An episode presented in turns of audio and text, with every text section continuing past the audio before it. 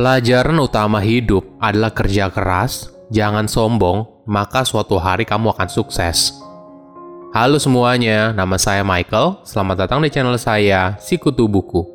Kali ini saya akan membahas kisah inspiratif dari Eric Yuan, pendiri dari Zoom dan merupakan salah satu dari 400 orang terkaya di Amerika Serikat. Sebelum kita mulai, buat kalian yang mau support channel ini agar terus berkarya, caranya gampang banget Kalian cukup klik subscribe dan nyalakan loncengnya. Dukungan kalian membantu banget supaya kita bisa rutin posting dan bersama-sama belajar di channel ini. Eric Yuan lahir dalam keluarga kelas menengah di Shandong, China. Ayahnya merupakan insinyur pertambangan. Eric memiliki gelar sarjana dalam matematika terapan dan gelar master di bidang teknik.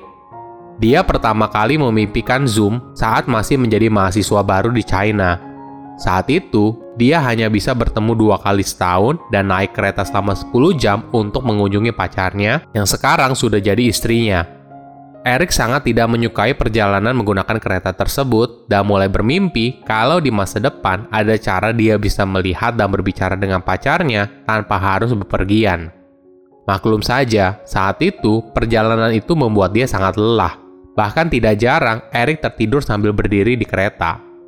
Lamunan Eric di kemudian hari merupakan basis dari aplikasi Zoom.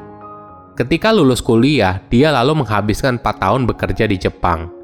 Namun setelah mendengarkan pidato Bill Gates soal gelembung.com, Eric memutuskan untuk menjadi gelombang pertama yang ikut dalam revolusi internet.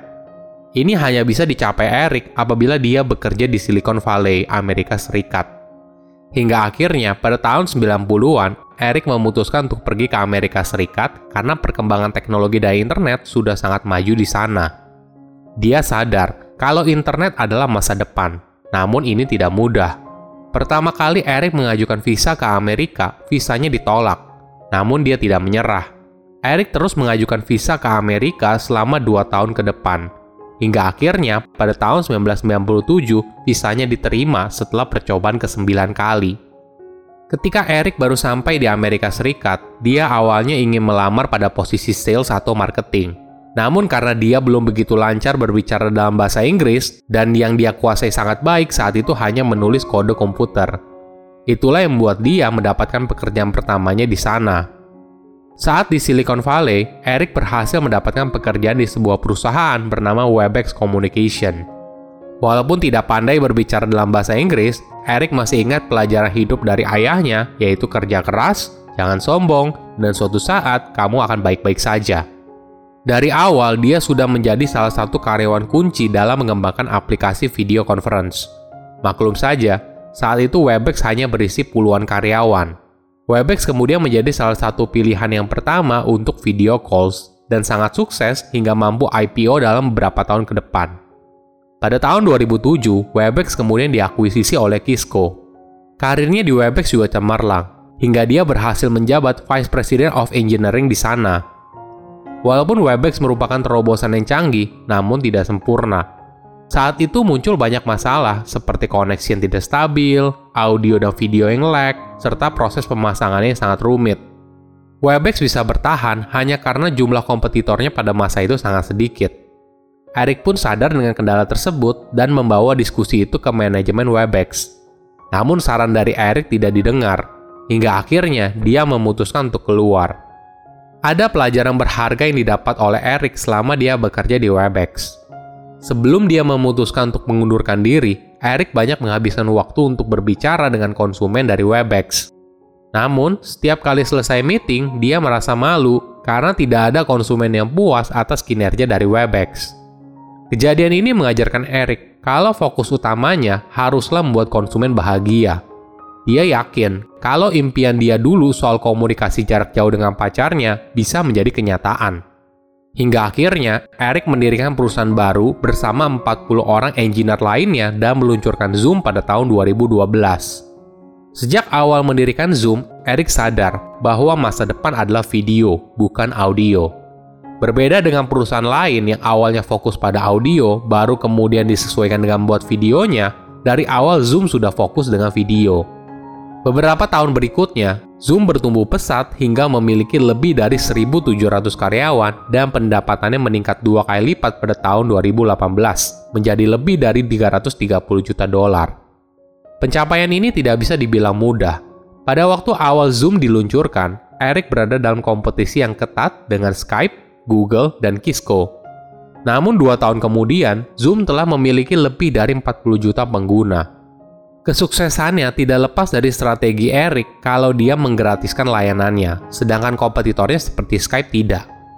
Zoom menggunakan konsep freemium, artinya kamu bisa menggunakan layanannya secara gratis, namun ada tambahan fitur apabila kamu berlangganan.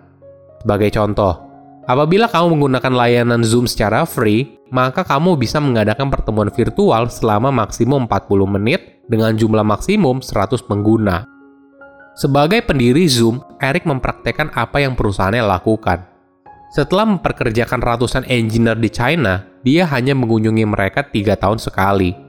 Ketika Eric bertemu dengan para pemodal besar, dia hanya muncul satu kali secara fisik untuk memastikan setiap orang di sana sudah mendownload aplikasi Zoom. Untuk roadshow IPO-nya, Eric melakukan perjalanan sejauh 50 mil dari kantor pusatnya di San Jose ke San Francisco untuk makan siang bersama investor. Selain itu, semua orang lainnya, manajer investasi besar atau kecil, hanya bertemu dengannya secara virtual melalui Zoom. Saat Eric terbang ke New York untuk IPO-nya Zoom, itu hanya perjalanan kerjanya yang ke-8 dalam lima tahun. Dengan aplikasi Zoom, maka Eric dapat menghemat banyak waktu dan uang dari perjalanan bisnisnya, karena semuanya bisa dimudahkan dengan teknologi. Seringkali konsumen bilang ke Eric kalau mereka ingin bertemu langsung dengan dia, Eric lalu bilang oke, okay, tapi kita zoom call dulu sebelum bertemu. Biasanya dalam satu zoom call saja sudah cukup, tanpa Eric harus datang ke sana mengunjungi mereka secara langsung. Kesuksesan Zoom disebabkan karena dia memberikan solusi bagi dunia agar orang bisa bertemu tatap muka walaupun terpisah jarak.